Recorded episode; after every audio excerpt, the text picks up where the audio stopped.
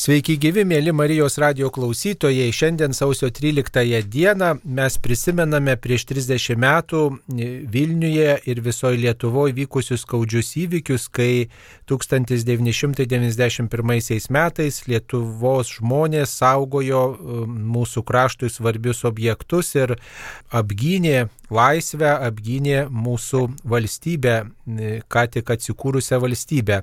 Ir šioje laidoje mes susisiekėme su su Egle Bučelytė, kuri sausio 13-ąją komentavo įvykius per televiziją ir buvo iš studijos tiesiog išvaryta.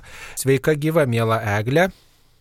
Labą dieną. Taigi, turbūt jūs daug kartų kalbėjotės apie tuos įvykius, sausio 13-osios įvykius, štai praėjo 30 metų nuo tų tokių turbūt įsimenančių detalių, ką dabar po 30 metų prisimenant apie tą sausio 13-osios naktį. Pirmiausia, nesitikė, kad jau 30 metų praėjo nuo, nuo tų laikų. Visa tai, kas vyko, labai ryšku. Neblanksta atmintyje.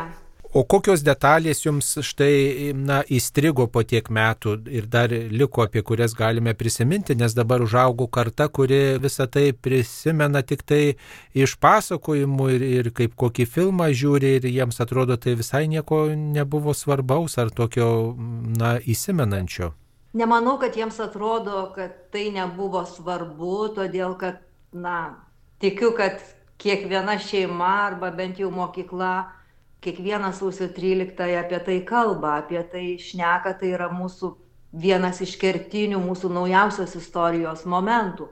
Taip kad tikrai ta jaunoji karta manau įsivaizduoja kas tai buvo ir ką tai reiškia lietuvai bet pats savo akimis nematęs nedalyvavęs žmogus jisai sunkiai tą gali suvokti ir sunkiai ko gero yra ir perteikti jam tuos jausmus tą nerimą tą vienybę tą baimę dėl lietuvos ateities tą pasiryžimą. Žodžiu visus tuos gražiausius jausmus kurie tuo metu tvyrojo mumyse ir net ore net oras buvo jų pritvinkęs perduoti žodžiais yra labai sunku.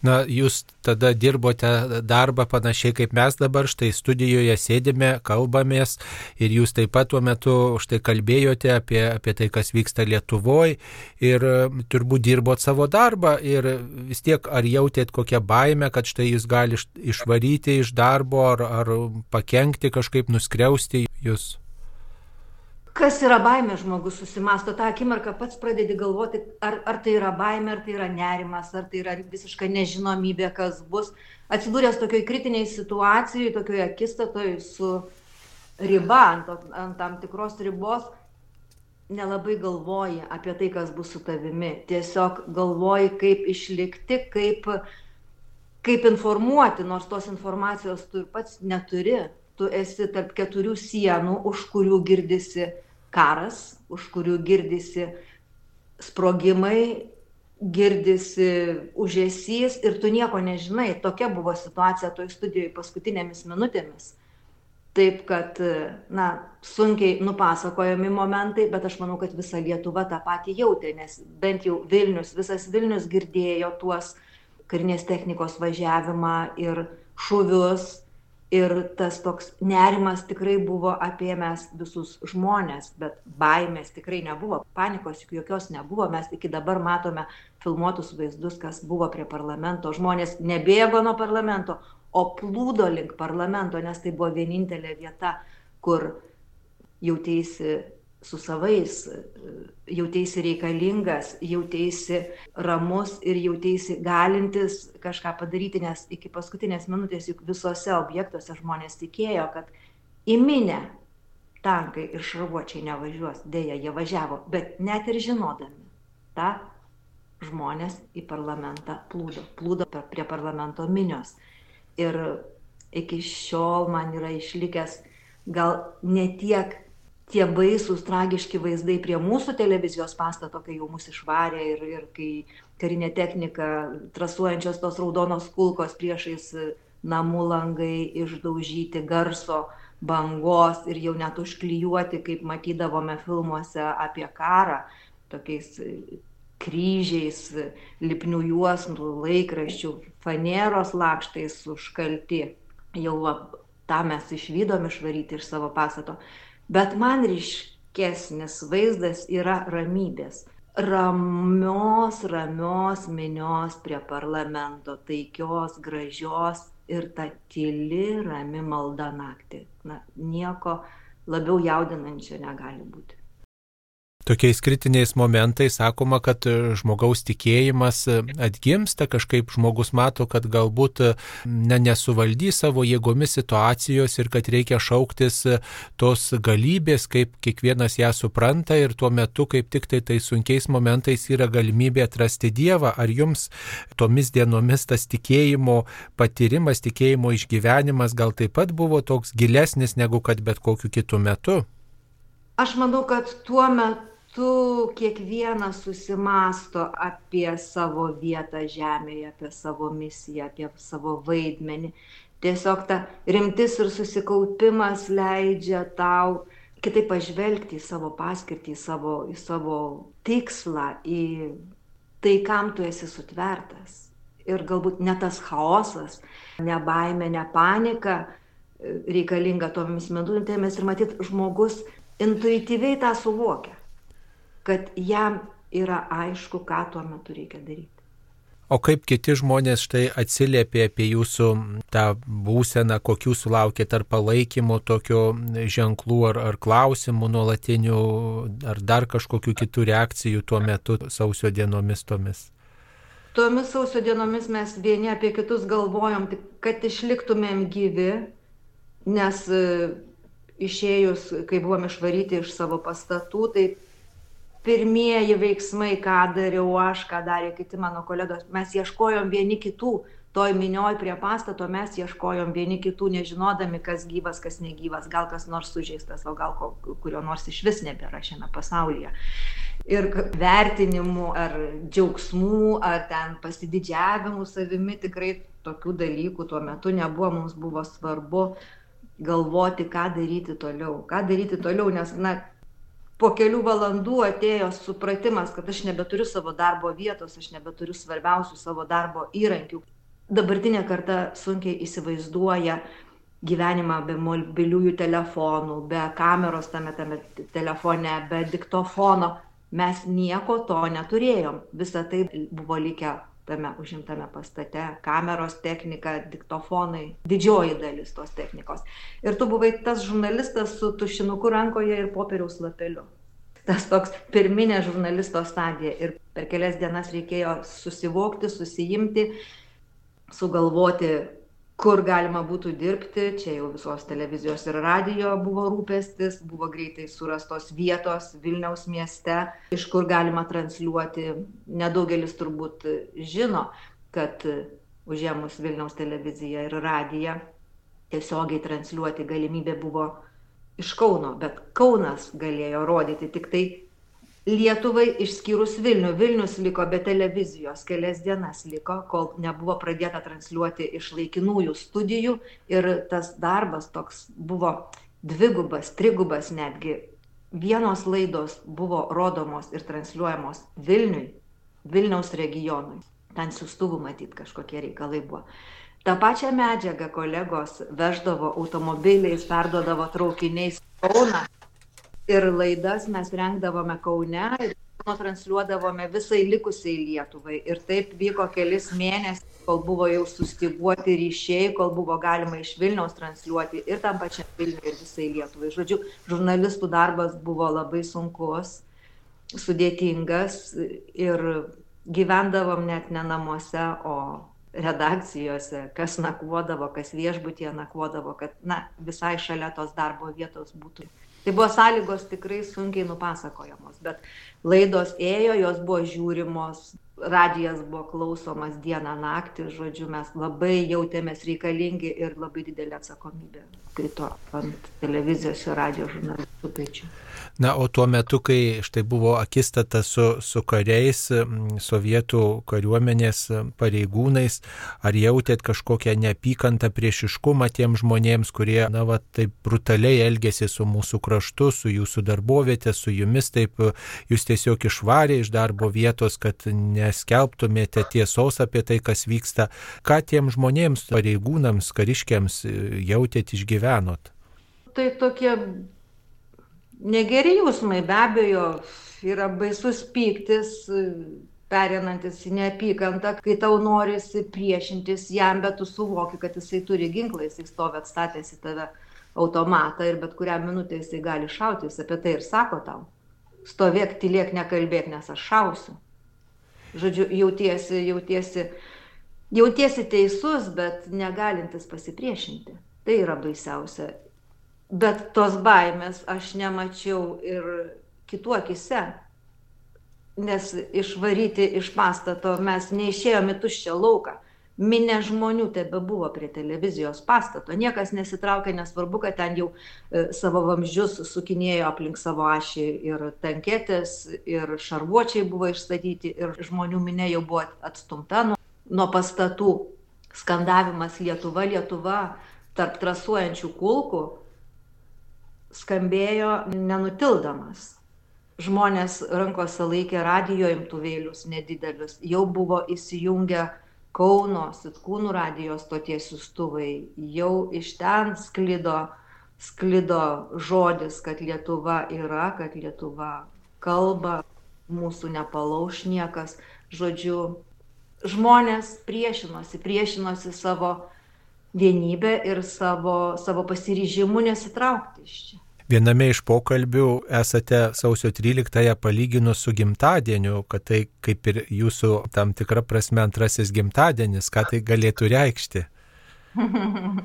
tai galėtų reikšti, kad aš esu gimusi sausio 12-ąją. Tai yra mano tikrasis gimtadienis. Bet e, nuo tų laikų aš sakau, kad čia mūsų visų, kai mane sako, va, tavo gimtadienis, sveikinam, Sakau, manęs nereikia sveikinti su gimtadieniu, mus visus reikia sveikinti su gimtadieniu, nes čia mūsų visų gimtadienis, atskaitos taškas, nuo kurio mes pasidarėme kitokią, atstovėjome ir pasiekėme to, ką mes turime dabar. Na, jums tenka e, daugelį vietų kalbėti apie sausio 13, apie Lietuvos laisvę. Kartais e, susidaro toks įspūdis, kad e, Vilniuje, kur tie kariniai veiksmai buvo tokie aktyvesni, kur kai kurie objektai buvo užimti, žmonės kažkaip labiau brangina, prisimena tuos įvykius, o kitur regionuose kažkaip gal, na, toks jaučiasi, kad gal truputėlį čia viskas taip toliau, kažkur kitur tas vyko ir mūsų tai neliečia. Ar su tuo esat susidūrę? Susidūrusi?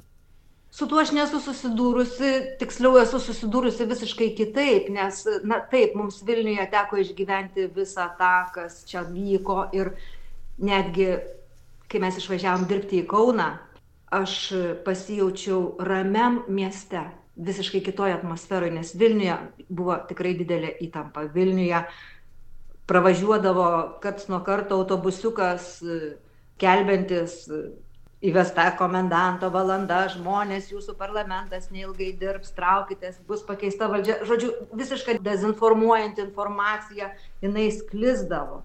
Jinai sklisdavo, kariškiai mieste tikrindavo dokumentus, tokia atmosfera buvo slogi. Nepaisant to, kad žmonės vis tiek rinkdavosi prie parlamento, jau pradėjo degti laužai, dieną naktį žmonės būdėdavo, Vilniui vyko veiksmas. Vilniui buvo nerimas.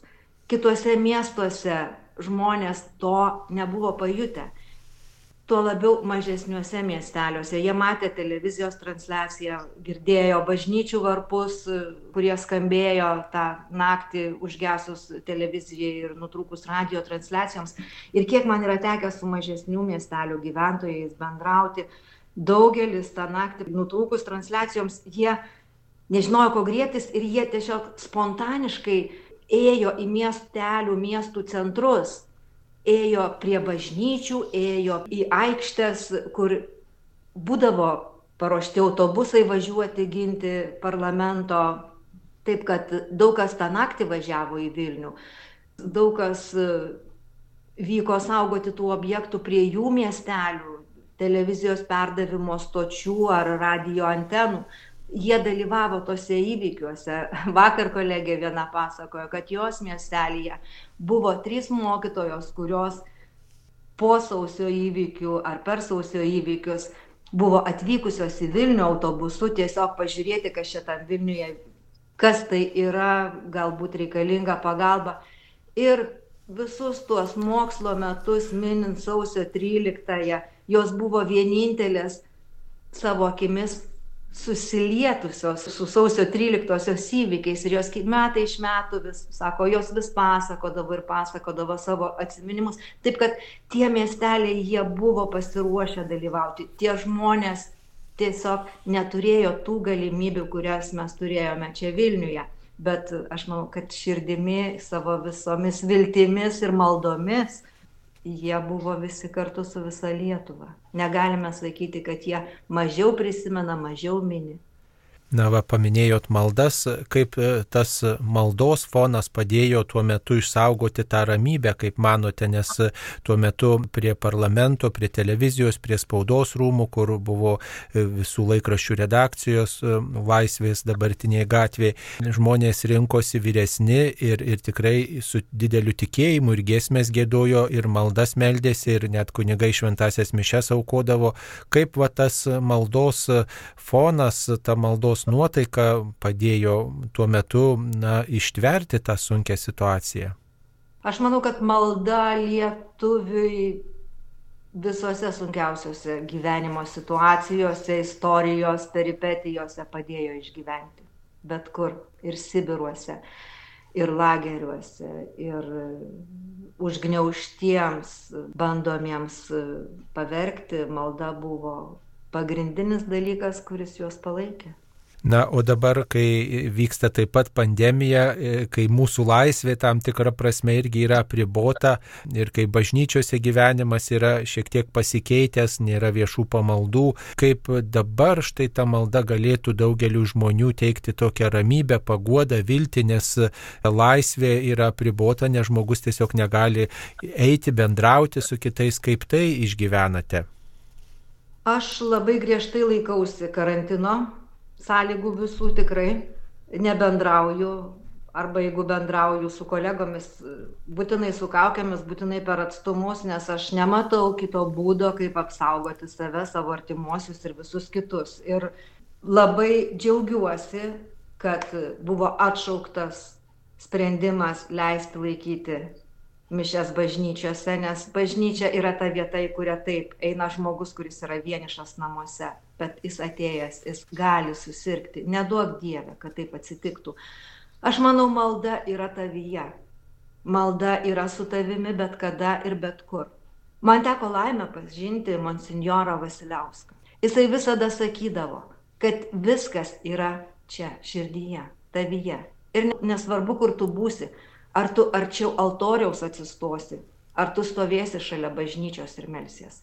Tai nėra skirtumo, nes bažnyčia ir kunigas, čia jo žodžiai, yra tik tai tarpininkas bendravimui su Dievu. Taip kad aš manau, kiekvienas žmogus su savo malda lygiai taip pat saugiai gali būti namuose. Ar jūs nesutinkate su tuo? Na, tiesiog, e, žinot, e, tikinčiam žmogui yra svarbus sakramentai, svarbi šventoji komunija, malda yra svarbi, reikalinga ir galima iš tiesų melstis visur, tačiau, na, va, tikinčio žmogaus tokiai pilnatvė, nu, ta vienybė su Dievu pasiekiama priimant šventą komuniją, kurią pats viešpats yra palikęs ir kurioje pats pasilieka, tai yra intensyviausias Dievo artumas ir, ir tiesiog, kai nėra viešo pamaldų, tai daug kas tiesiog išgyvena tokį eucharistinį alkį, tą, tą vienybę su Dievu tokį trūkumą. Tai, tai tokia mūsų tikėjimo pilnam išgyvenimui to daugeliu žmonių trūksta. Aš dėja esu nukentėjęs nuo sovietizmo žmogus, ta prasme, kad iš manęs yra išmuštas tikėjimas.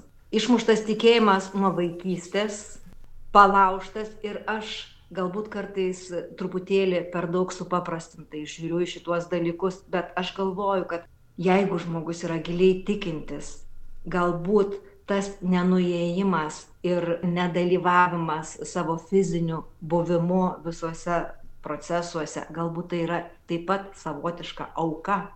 Auka vardan išgyvenimo, vardan savęs ir vardan kitų. Nes man visada baisus tas artimas kontaktas, kur jis bebūtų, ar parduotuvėje, ar namuose, ar bažnyčioje. Nes virusas yra virusas. Jisai nesirenka, kur ant tavęs nusėsti.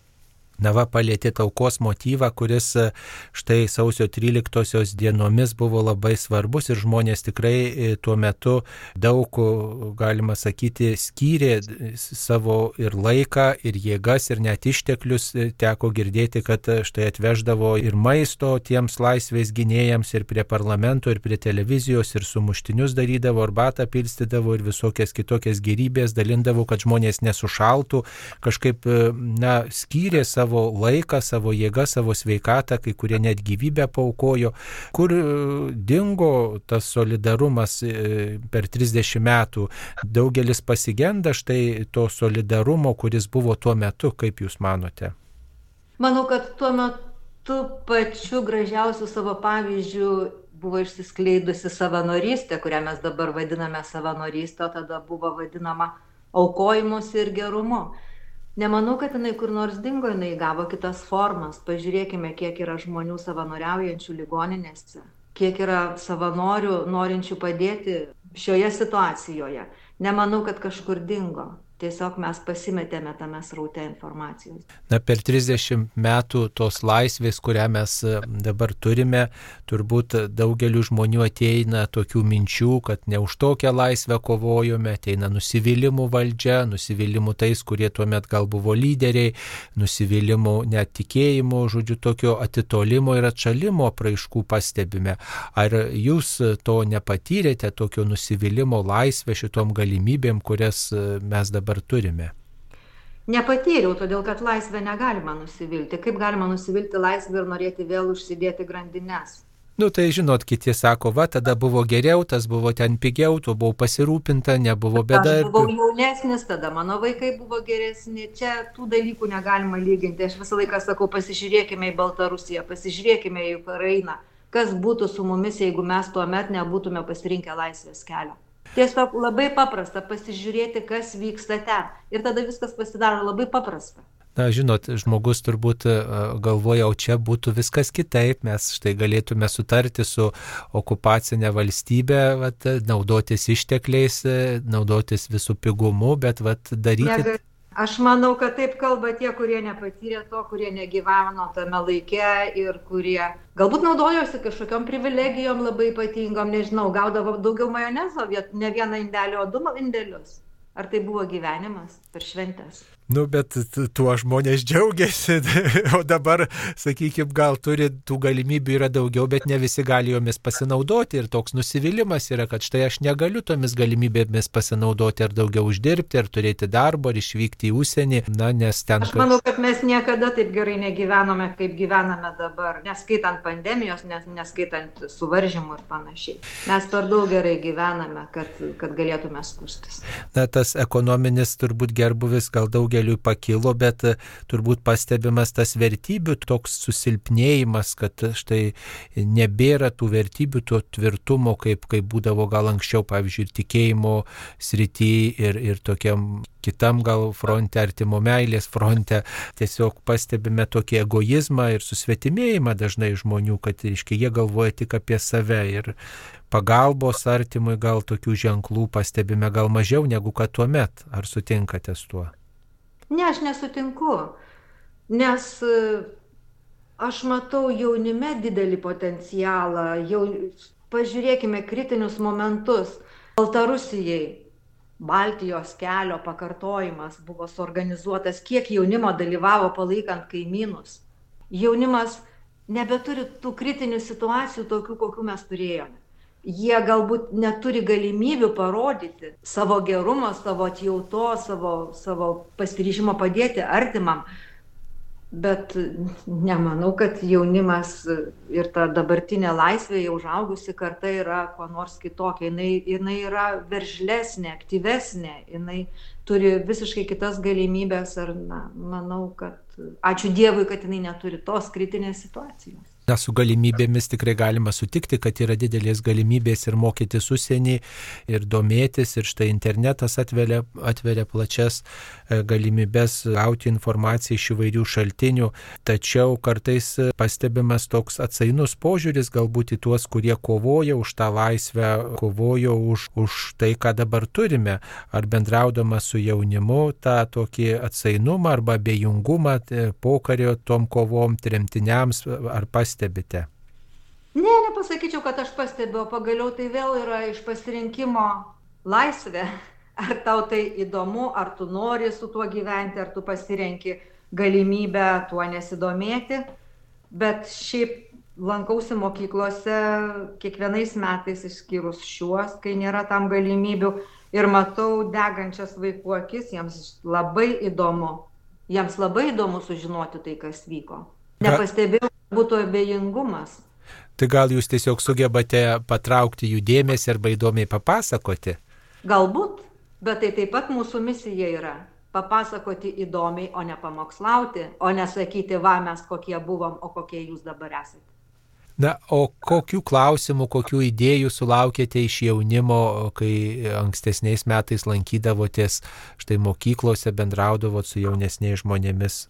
Jaunimui tiesiog yra įdomu, jie, kadangi visiškai kitam pasauliu dabar gyvena, bet aš iš jų, pavyzdžiui, pastebėdavau, kad jų senelė, jų tėvai jiems yra pasakoja apie tuos dalykus ir dažnai vaikas, e, jeigu nueini į jaunesnių vaikų auditoriją, jie skuba pasigirti, kad ir man močiutė pasakojo, mano senelis buvo prie Seimo va tą naktį ir prisimena, kad ten degė ar laužas ar meldėsi kažkas. Taip kad ta atmintis jinai yra gyva ir jinai ateina su laiku. Aš grįžtu į savo šeimos praeitį, pavyzdžiui, senelių istoriją, tremčių istoriją, sovietmečio apie ją nebuvo kalbama, taip labai viešai, jau sulaukus tam tikro amžiaus buvo papasakota, kaip buvo, kodėl taip buvo, kiek šeima buvo nukentėjusi, suvokdavai, kad to viešai kalbėti irgi nevalia.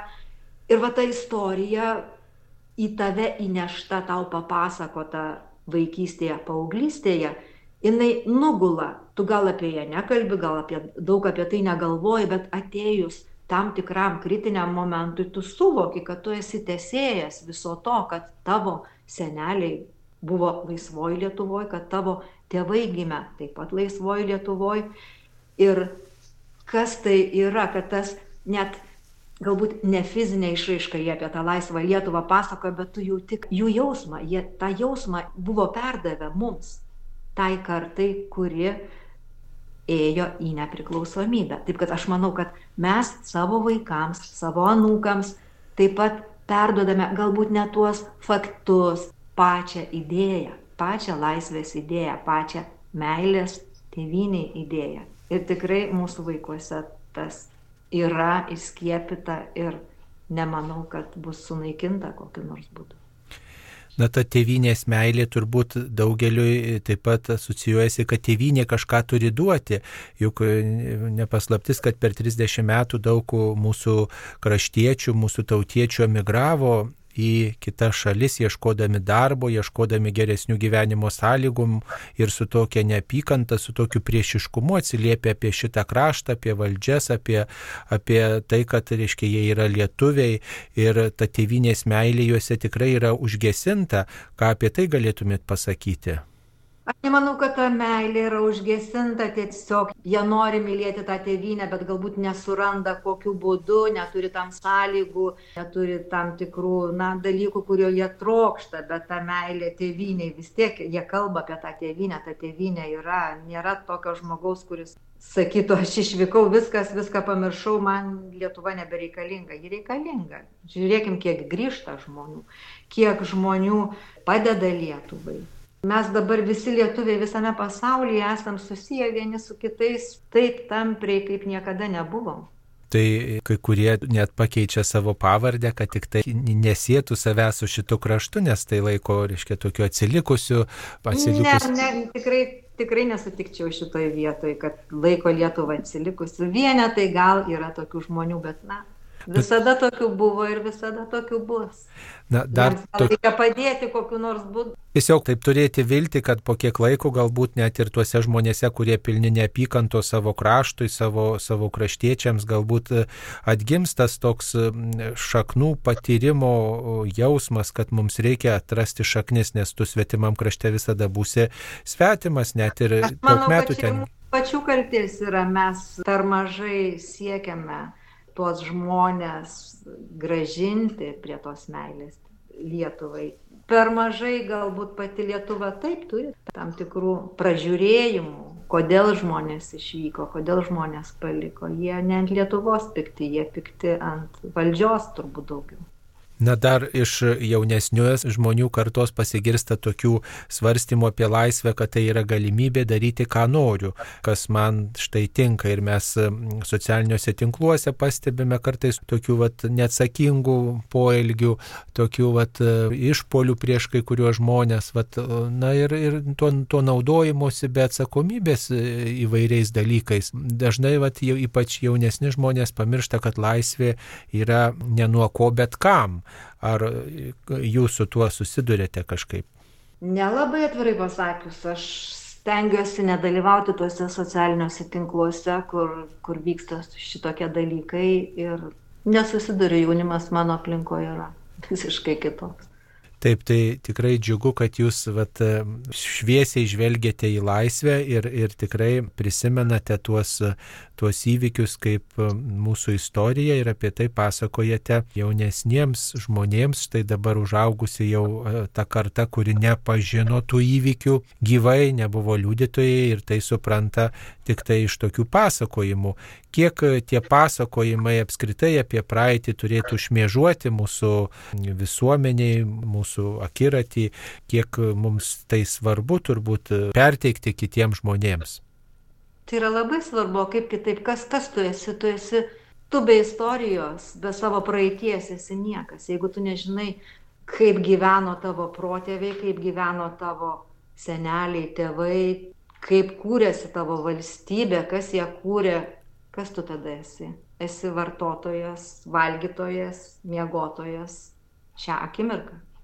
Na ir ką palinkėtumėte tiem žmonėms, kurie gal skeptiškai žiūri į šiuos laikus, į šitas galimybės, kurie gal yra nusivylę, nusiminę, netekę tokio džiaugsmo gyvenimo, prislėgti vairiausių negandų, kuriems apkartus ta laisvė yra, nes kažkaip nukentėjo gal šiais laikais nu, nuo kažkokių piknaudžiavimų, nuo valdžios galų gale. Ką palinkėtumėt, kaip žmogui toliau būti, toliau gyventi? Žinot, aš visą laiką kritiniais šitais momentais tokiais ir, na, ypač kalbant šiomis dienomis per sausio 13, aš pagalvoju, tie, kurie skundžiasi, kad yra labai blogai, įlysk į tų žmonių, kurie prarado savo artimuosius kailį. Ir pagalvok, kaip tau yra gerai. Tu turi artimuosius, tu turi draugus, visi sveiki ir visi gyvi. Nieko daugiau nereikia. Nu ir turbūt svarbu prisiminti tuos šviesius momentus, kurie net pačiais tamsiausiais laikais, pačiomis tamsiausiomis situacijomis yra, kad mes esam gyvi, kad turime galimybės ir kad galim dėkoti ir kad yra vertybės, kurių žmogaus niekas negali atimti, jeigu jis pats jų netiduoda. Mėly... Taip, jeigu tau yra labai tamsu, žinau, kad vis tiek po didelės, didelės tamsos visą laiką aušta šviesus rytas ir graži saulėta diena. Svarbu, kad tai mes geram panaudotume, kad mūsų gera valia būtų geriems dalykams panaudoti tai, ką mums viešpats duoda. Mėly Marijos radio klausytojai, šioje laidoje kalbėjome su Eglė Bučelytė, žurnaliste, kuri sausio 13-ąją dirbo televizijoje ir komentavo visus įvykius, okupacinės valdžios veiksmus ir buvo išvaryta iš darbo vietos, savo akimis matė tuos skaudžius įvykius, apie kuriuos daugelis iš mūsų jau tik tai girdime iš pasakojimų arba iš kitų informacijos šaltinių sužinome. Tegul laisvė būna didelė vertybė mūsų gyvenime, kad ją mes brangintume, gintume ir dėkotume Dievui už šitą dovaną. Eglė Bučelytė kalbino aš kunigas Saulis Bužauskas. Būkime iš tiesų laisvi. Ačiū sudė.